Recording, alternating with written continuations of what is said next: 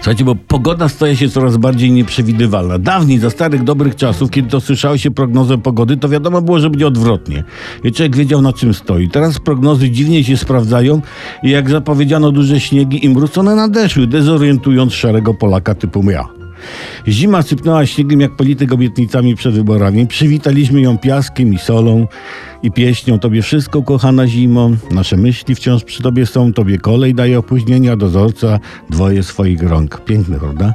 Zasypany kraj, oblodzony kraj, zasypane i miasta i wioski. Jedni mówią, że za dużo tego śniegu, inni znowu, że też za dużo. No ludziom nie dogodzisz. A przecież mamy opady śniegu na miarę naszych możliwości ideologiczno-logistycznych, potrzeb i aspiracji.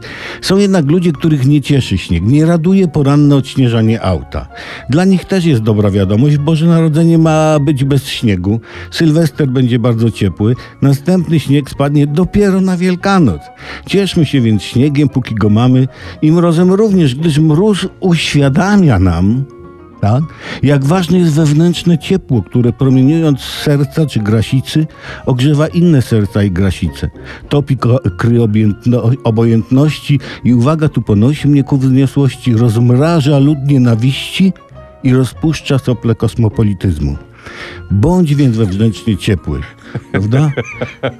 A skoro mówimy o cieple, to często zadaje mi się pytanie, prawda? Gdzie się podziewa śnieg latem? Odpowiadam, odlatuję do zimnych krajów. No, no bo gdzie indziej? No, no, no, no gdzie?